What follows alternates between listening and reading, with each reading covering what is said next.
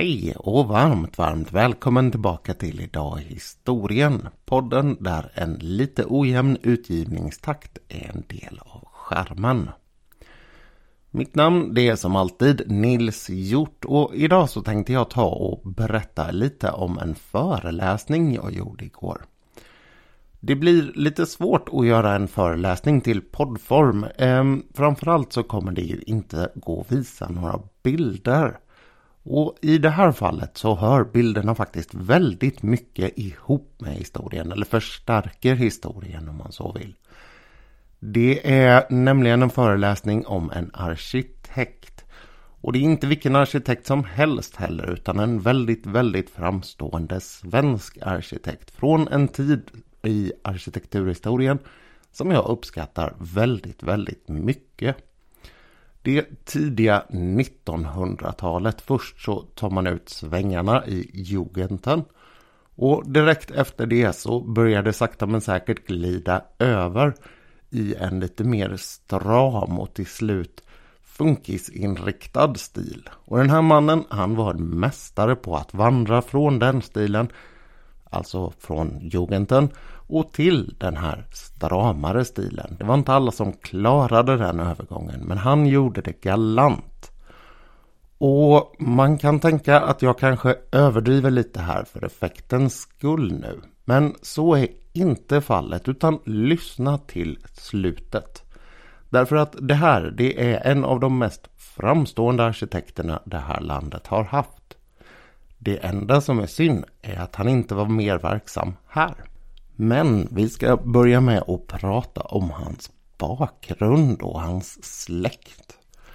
Han hette Alfred Grenander och den som började den här släktens närvaro i Skövde där Alfred föddes det var Elias Kristoffer Grenander, hans farfar. Han kom ursprungligen någonstans i Älvsborg ifrån och var skarajäkne. Med andra ord, han läste gymnasiet i Skara. Därefter så gjorde han en ganska god akademisk karriär i Uppsala inom teologi. Och det här var ganska ovanligt med tanke på att han hade vuxit upp med en ensamstående mor. Omkring 1820 så svänger han lite i karriären. Han flyttar från Uppsala till Skövde där han blir kyrkoherde. Det blir en väldigt stor framgång för honom att bli präst. Han är omtyckt i stan och han är omtyckt av sin församling. Dessutom var han en framstående präst så tillvida att han representerade sitt stånd i riksdagen. Det här var ju på en tid när vi fortfarande hade en ståndsriksdag så han blev alltså skickad som en av representanterna för prästerskapet när man höll riksdag. Hans son hette också Alfred, så det kommer två stycken Alfredar här nu. Och jag kommer för enkelhetens skull att prata om den här mannen som den äldre. Han växer också upp, eller han växer upp i Skövde. Och han kommer också vara aktiv där ganska länge. Det här är alltså under den första halvan av 1800-talet. Och ehm, han utbildar sig till jurist och blir sedan auditör. En auditör det är en person som hjälper en regementschef med juridiska frågor. Och genom att han gjorde det så kom han i kontakt med toppen av Skövdesamhället. Men inte bara det utan också alla de här höjdarna som var nere från Stockholm när man hade stora övningar på Axvallhed och liknande ställen. Han lär ha känt, lärt känna möjligen kungen, men i alla fall folk som var väldigt nära hovet på det här sättet. Och det var en ung man med ambitioner. Han skulle längre fram bli förste ordförande i stadsfullmäktige i Skövde. Han skulle bli direktör i Skaraborgs enskilda bank. Och han skulle på 1850-talet vara en av dem som pressade hårt för att stambanan, det vill säga järnvägen, skulle dras på den sida om berget Billingen som gjorde att den hamnade i Skövde och inte i Mariestad. Det här var en stor strid på den tiden och för Skövde så blev det en rejäl vinstlott när han och hans medarbetare lyckades få järnvägen dit. För som industristad och som kurort exploderade skulle man kunna säga i storlek. Det gör många städer vid den här tiden. Men Skövde det växer särskilt fort och det kommer också att hjälpa dem sen senare genom att man får alla de här regementena. Skövde har ju haft flera regementen. Det här syns också i hur Skövdes storlek exploderar. 1850 till 1900 så växer den lilla staden från 900 invånare till 5000 invånare. Och det är i det här som Alfred Grenander den yngre växer upp. När han föds 1863 på Långgatan 34. Ett litet hus som faktiskt står kvar idag på baksidan av Kommers skulle man kunna säga för er som hittar i Skövde.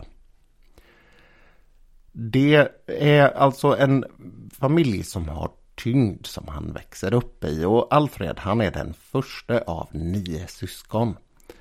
Sex av dem ska klara sig förbi spädbarnsålder och växa upp och bli vuxna. Och väldigt många av dem, eller alla, kommer faktiskt att bli väldigt framgångsrika. Tyvärr var det ju så på den här tiden att kvinnor sällan tilläts en särskilt framskjuten position så att hans systrar, det mesta eh, för deras del var att de gifte sig alltså på ett sätt som passade deras bakgrund. Men han själv och hans bröder, de lyckas gott med sina karriärer. Och en annan, han blir faktiskt både Europamästare och världsmästare i konstskridskoåkning på 1890-talet. Alfred, han ska som vi ser härifrån i berättelsen få en helt annan karriär. Men en som är faktiskt, skulle jag säga, ännu mer lyckad än sådär. Därför att han har spelat en väldigt, väldigt stor roll för Berlin. Och han har dessutom lämnat en väldig massa fina byggnader efter sig. 1878 så lämnar Alfred och hans pappa Alfred det här Elversonska huset som det kallas. De flyttar upp till Stockholm för hans pappa han har blivit chef i ett försäkringsbolag då. För Alfred den yngres del så innebär det här att han tillbringar en ganska kort tid på gymnasiet i Skövde följt av en lika kort tid på Stockholms gymnasium. Vid den här tiden så var Stockholm så pass litet att nästan alla som gick gymnasiet här om jag har förstått det hela rätt, vi pratar alltså sent 1870-tal, de gick i två byggnader som låg på Riddarholmen. Men Stockholm och antalet människor som utbildar sig växer också explosionsartat under den här tiden. Det är ju en otroligt viktig del just när man börjar komma in i det här mer moderna samhället eller vad vi ska kalla det. Tidig modern tid tror jag vi hade kallat det om vi var på en historiekurs. Det som händer i varje fall det är att det byggs skolor både här och där i Stockholm. Och Alfred den yngre han hamnar på Norra Latin där han gör klart sina studier. Hur var han då i skolan? Jo, han var faktiskt inte särskilt duktig. Han blir underkänd i matematik men han är duktig i formmässiga ämnen och han är duktig på gymnastik. När det är dags för honom att välja hur han ska gå vidare i livet så kommer han att söka till Tekniska skolan. Det som idag är Konstfack.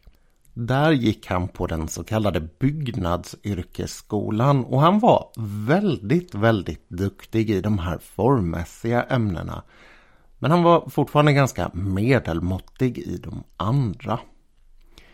En kort tid därefter så går han vidare till att studera på det som idag är KTH, Kungliga Tekniska Högskolan. Men som på den tiden var Tekniska Högskolan och låg i helt andra lokaler. Ett väldigt stort sandfärgat hus långt uppe på Drottninggatan precis nedanför Observatoriet i Stockholm. På den tiden han gick där så fanns det några andra elever som också skulle bli ganska kända. Eller som skulle bli kända får man väl egentligen säga. För kruxet här med Alfred Grenander det är ju att han inte är särskilt känd i Sverige. Ferdinand Boberg och Erik Lallerstedt de är betydligt mer kända. Och de var alltså studenter samtidigt som han var extraelev på KTH. 1885, efter sju år av studier i Stockholm, så flyttar han ner till Berlin. Hans far, han följer med och ser till att sonen kommer i ordning och det här måste ju faktiskt ha varit ett ganska udda drag på den här tiden. Det var väldigt vanligt att arkitekter gav sig ut och gjorde en resa efter att de var klara med sin utbildning. Så kallad inspiration och utbildningsresa.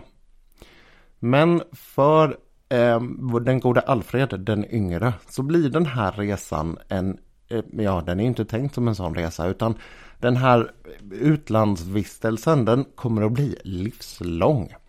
Han skriver in sig som elev på den nystartade tekniska högskolan i Charlottenburg utanför Berlin. Den här högskolan den är vid tiden en av de absolut ledande i Europa. Han kommer att stanna mellan 1885 och 1888 och han är kollega med en hel del framstående olika arkitekter. Den som kommer spela störst roll för honom i hans eget liv det är en ung man som heter Otto Spalding. De kommer lite längre fram här och starta ett eget bolag ihop. Och det här bolaget kommer att bli ganska framgångsrikt faktiskt med ganska speciella kunder. Men direkt som Alfred är klar så jobbar han runt på lite olika byråer mellan 1888-89 någonstans och fram till 1890. Då får han anställning på ett arkitektkontor som drivs av en man som heter Paul Vallot. Åtminstone tror jag att det ska uttalas så. Paul Vallot, han har vid den här tiden en ganska speciell uppgift. Han har nämligen 1882 vunnit en tävling för att rita det nya tyska riksdagshuset. Eller som vi känner det, riksdagen, riksdagshuset i Berlin. Det här huset kommer ju att få en ganska krokig historia framöver. Först så är inte kejsaren sådär superengagerad i det och sen så kommer det att få större och större betydelse fram till att det bränns ner och Hitler utnyttjar den där händelsen för att kunna ta mer makt. Under andra världskriget så blir det ganska hårt åtgånget och de ockuperande sovjetiska trupperna de firar ju sin framgång genom att klättra upp på dess tak. Sen står det mer eller mindre sådär fram till att Tyskland återförenas och man renoverar riksdagshuset och flyttar in där igen. Det är ganska häftigt faktiskt att tänka sig att det finns en svensk ung arkitekt som är inblandad i att hjälpa till med att rita det här huset. Men på sin fritid så har han vid det här laget, en bit in på 1890-talet, startat den här firman ihop med Otto Spalding, hans gamla eh, kurskamrat. De båda de knyter väldigt täta band. Eh, Otto kommer att bli tillsammans med Alfreds syster och de kommer lite längre fram att gifta sig och bygga ett hus som är alldeles fantastiskt. Ritad av Otto och Alfred tillsammans. Men än så länge så ritar de bara hus åt förnäma människor som vill bo i Berlins förorter. Det är en eh, nationalromantisk stil på väg in i jugend som de ritar de här husen i och de är magnifika måste jag säga. Om ni är intresserade av vad det är han gör så får ni hemskt gärna söka på Opanarkiv.de Där finns det en personberättelse, en kortare personberättelse om Alfred Grenander. Men desto viktigare så finns det en lång, lång lista med de flesta saker som har skapats av hans penna.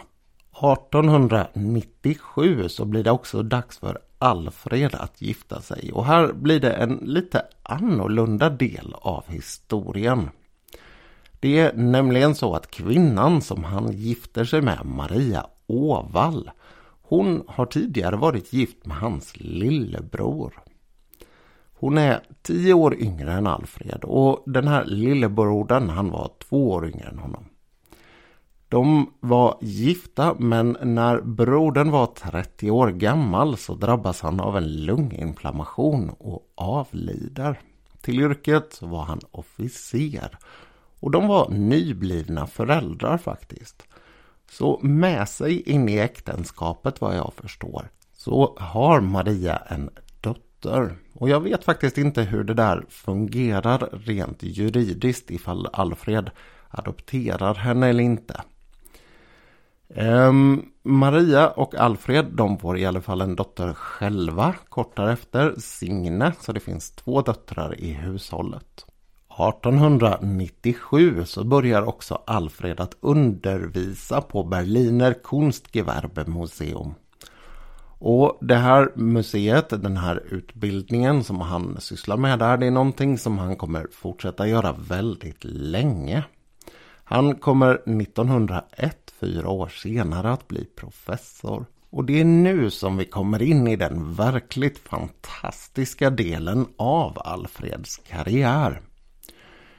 Jag vet inte om det är på grund av att han har ritat alla de här privatbostäderna. Men när man bestämmer sig för att bygga en tunnelbana som ska gå mellan öst och väst i Berlin, mellan Berliner Zoo och Warschauer Straße, så bestämmer man sig för att en av personerna som kommer vara inblandad i det här, det är den där svenske mannen som ritar fantastiska villor, Alfred Grenander. Och möjligen är det just därför att han känner till stilen som kan behövas för att locka ner det förnäma folket i underjorden. Det är ju faktiskt väldigt viktigt att tänka på att eh, just det här med att bege sig ner i jorden, det var en nyhet för folk av en viss klass på den här tiden. Det fanns ingen anledning för en förnäm hustru i en förort, kanske till och med Charlottenburg som han själv hade studerat i, studerat i att eh, ge sig ner i underjorden. Men när man hade byggt några sådana här överjordsbanor så bestämde man sig för att det var en bra idé att stoppa ner dem under jord i Berlin. Så att man skulle slippa oväsendet. Det här det har lett till att Berlin har en salig blandning mellan överjord och underjordsbanor och det har också lett till att de första stationerna som då byggdes med borgarklassen som mål är väldigt, väldigt rikt utsmyckade. Och det har också lett till att det var först i delar en svensk som ritade dem. Men han skulle få allt mer inflytande över det här bolagets expansion. Och bolaget det har den fantastiskt enkla och lättklingande eh, namnet Gesellschaft für elektrische Hoch- und Untergrundbahnen in Berlin. Det flyter ju verkligen rinner av tungan. Jag gillar verkligen tyska så det är inte det men det är inget smidigt namn det där. Tyskarna är nog faktiskt bättre när de sysslar med sina sammanslagningar som KDV eller Kadeko eller VV eller något sånt. Oavsett vilket så blir den här underjordiska järnvägen, tunnelbanan, en stor framgång. Man upptäcker att folk är väldigt intresserade av att resa på det här sättet och man bestämmer sig väldigt fort för att bygga ut. Och i takt med att man bygger ut det så kommer olika saker att påverka dess utseende. Inte minst då Alfred Grenander som får mer och mer ansvar. Men en annan faktor som är viktig att räkna in i det här det är att man sen börjar bygga ut tunnelbanan mellan nord och syd i Berlin också. Och där bor det folk som inte riktigt är lika förmögna vilket i sin tur kommer påverka Dels hur stationerna ser ut och dels hur tågen ser ut. Men innan vi hamnar där så måste vi prata om hur Berlin var vid den här tiden. Och Berlin vid 1800, nej förlåt nu var vi på 1902. Eh, Berlin på det tidiga 1900-talet. Det är den delen av Berlin som vi idag kallar för Die Mitte. Och Berlin, det här var ju fortfarande en stad där kejsaren var. Eh, det var ju inte Tyskland som var en förbunds... Eh, förlåt, vad heter den? Union på samma sätt som idag. Utan Tyskland var inte ett självstyrande land. Eller nu rör jag till allt. Berlin var inte ett självstyrande eh, land på det sättet som det är nu. Det som händer här är alltså att Berlin som stad börjar att ta mer och mer plats och att man börjar få mer och mer kontakt med de här förorterna som ligger utanför. Och det går ju väldigt fort för en stad att växa på det här sättet. När man väl har vuxit ihop med en förort så blir den ju på sitt sätt ganska integrerad i staden. Och genom att tunnelbanenätet växte så knöt man samman Berlin till att bli en verklig storstad. Ni förstår hur jag menar här tänker jag. Det är ju egentligen samma utbild eller utveckling som har skett i Stockholm också. Staden krymper ju på sitt sätt när man får en effektiv kollektivtrafik. Det var bara det att i Berlins fall så hände det här ungefär 30-35 år före det gjorde det i Stockholm. Om man tittar på de tidiga grenanderska stationerna så är de väldigt tydligt påverkade av just det här nationalromantiska och jugendmässiga i stilen. Det ser ut lite som tunnelbanestationerna som man kan tänka sig runt om i Paris som är sådär jugendinspirerade. De är fantastiskt vackra och de är väldigt lyxiga. Och på sitt sätt så kan man ganska tydligt se här vilka spår eller linjer som kommer att utkristallisera sig längre fram i hans tunnelbanebyggande. Därför att redan vid den här tiden så använde han sig av klara och ganska tydliga färger och det fanns färgteman igenom hela tunnelbanestationerna. Även om det är väldigt, väldigt mycket detaljer med så här blomstermönster och slingrande rankor som det brukar vara i Jugenden. Så finns det de här färgtemana. Och de kommer att få en allt större betydelse längre fram, inte bara estetisk. Ett annat särdrag med hans byggnader det var att ljuset skulle så gott det gick vara eh, indirekt. Det betyder att lamporna är som inkluderade delar i det som eh, håller upp eller dekorerar stationen. Det är inte några överdådiga stora ljuskronor. Även om några stationer naturligtvis har sådana också. Men det är långt, långt borta från Moskvas tunnelbanas stora kristallkronor. Ett eh, snabbt sidospår ska jag passa på att kasta in här också. Det var nämligen så att när man hade den stora världsutställningen 1904 i St. Louis så hade man en svensk som representerade Tyskland vad det gällde möbler. Just det, det är Alfred Grenander som får rita de tyska möblerna till världsutställningen. Och det här det är väldigt, väldigt vackra möbler i mina ögon. Ni kan googla dem och så hitta dem och se vad ni tycker. Men jag tycker de är fantastiska. Och det gjorde publiken och domarna borta i USA också. Det gick så pass bra att Tyskland och Alfred vann en guldmedalj för de här möblerna. Så hans klass, den var inte bara yppersta klass i Tyskland eller i Sverige vid den här tiden utan han var verkligen en arkitekt i världsklass på det tidiga 1900-talet. Och när han fortsatte att rita de här stationerna så sker utvecklingen sakta men säkert som jag sa åt ett stramare håll fram till att första världskriget börjar. Av naturliga skäl så går ju tunnelbanearbetet lite i stå i Berlin av det där och på 1920-talet under mellankrigstiden här så har ju Tyskland väldigt, väldigt stora bekymmer. Dels av politisk art, dels av ekonomisk art. Det är ju hyperinflation och det är strejker och det är allmänt svårt att bygga tunnelbana Men de stationerna som faktiskt byggs, de byggs nu i en ganska annorlunda stil.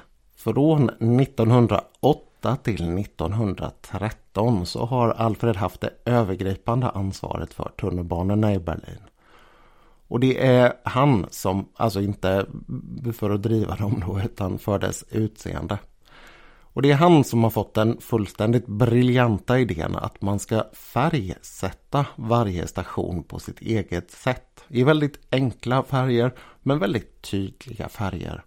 För att på så sätt så kan en morgontrött eller kvällstrött eller trött vilken tid som helst på dagen passagerare med en enkel blick ut genom fönstret se vad den är utan att behöva hitta en skylt att läsa på. Och naturligtvis så hade man ju inte vid den här tiden heller lika enkla system för att med siffror eller eh, röstmeddelanden berätta var man var på linjen.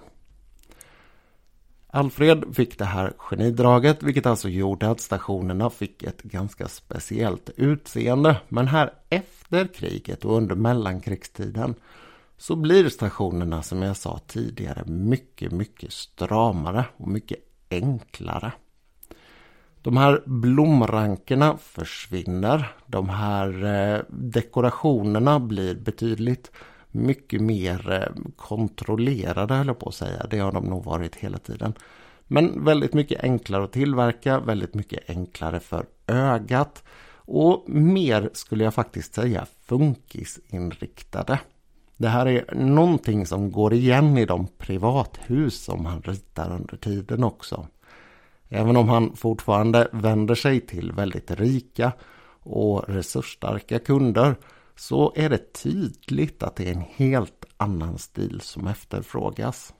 De tunnelbanestationer som han gör vid den här tiden påstås ibland ligga som förgrund till svenska tunnelbanestationer i Stockholm.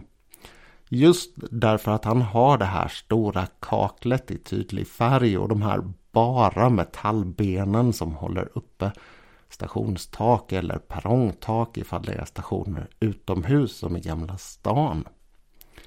Jag vet inte hur väl det där stämmer men de är väldigt lika varandra stationerna här på sent 20-tal i Berlin och de som byggs under 30 och 40-tal i Stockholm.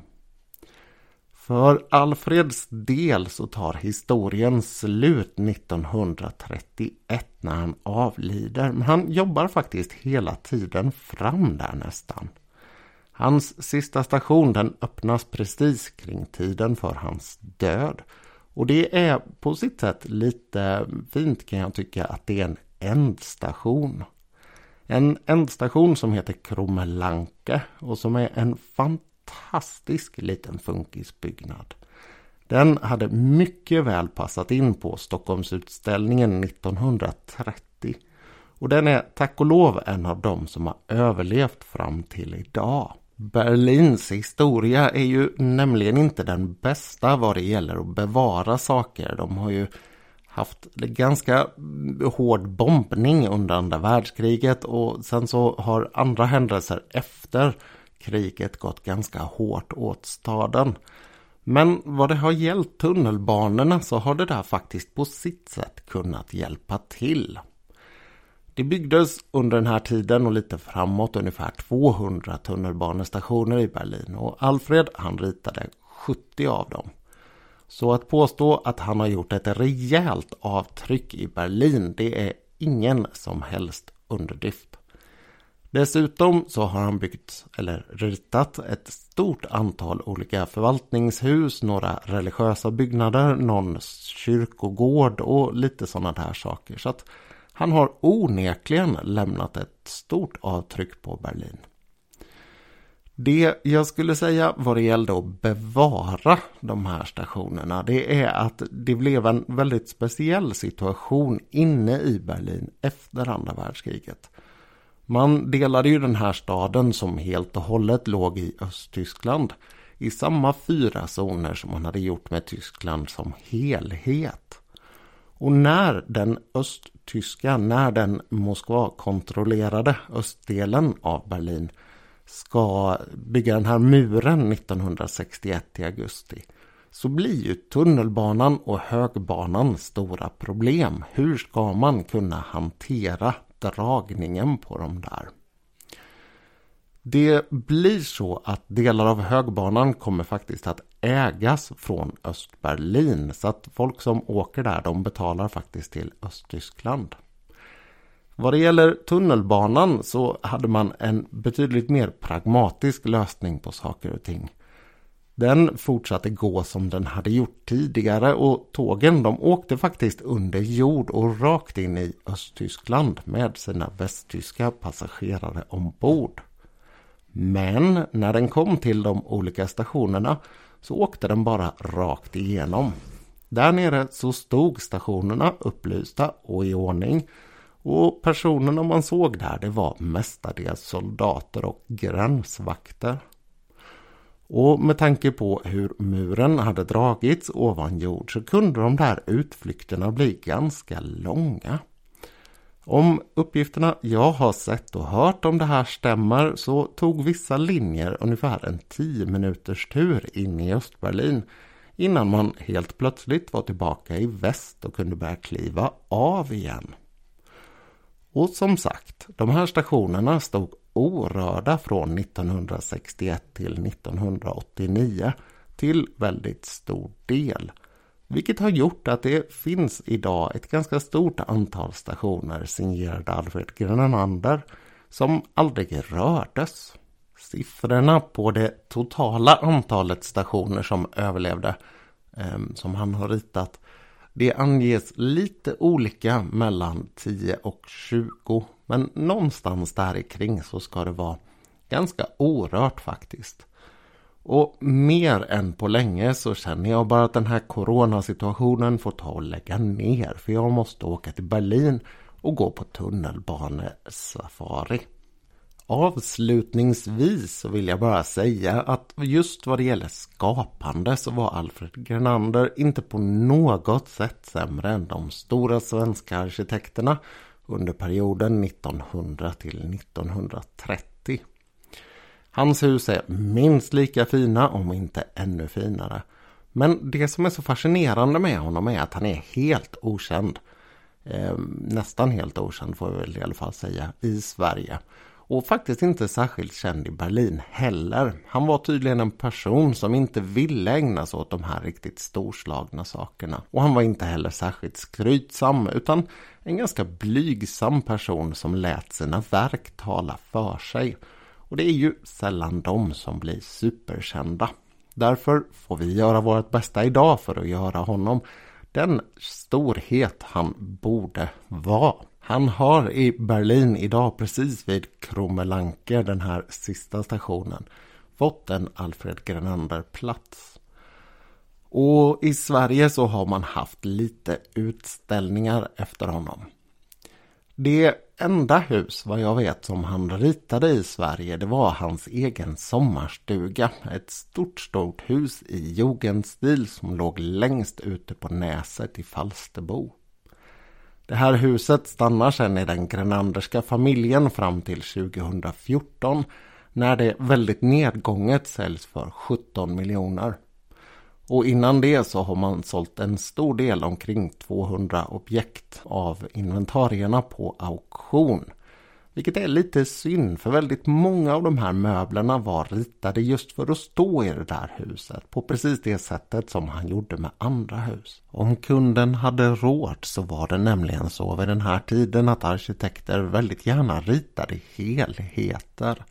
Det vill säga hela huset inklusive fasad och inredning och så vidare. Ända ner till minsta beslag. I eh, Alfreds fall så gällde det här såklart även tunnelbanestationerna där han har valt allting ner till typsnitt på skyltar och så vidare. Men nog med mitt berättande som knappast gör hans skapelser någon som helst rättvisa. Den som vill se vad han har ritat gör det bäst genom att söka på nätet. Och som jag sa tidigare så finns det en väldigt bra samling på obanarkiv.de. Den som vill stödja podden och hjälpa mig att hålla den igång får hemskt gärna swisha ett bidrag till 123 447 8327. Fram tills att vi hörs nästa gång. Allt gott!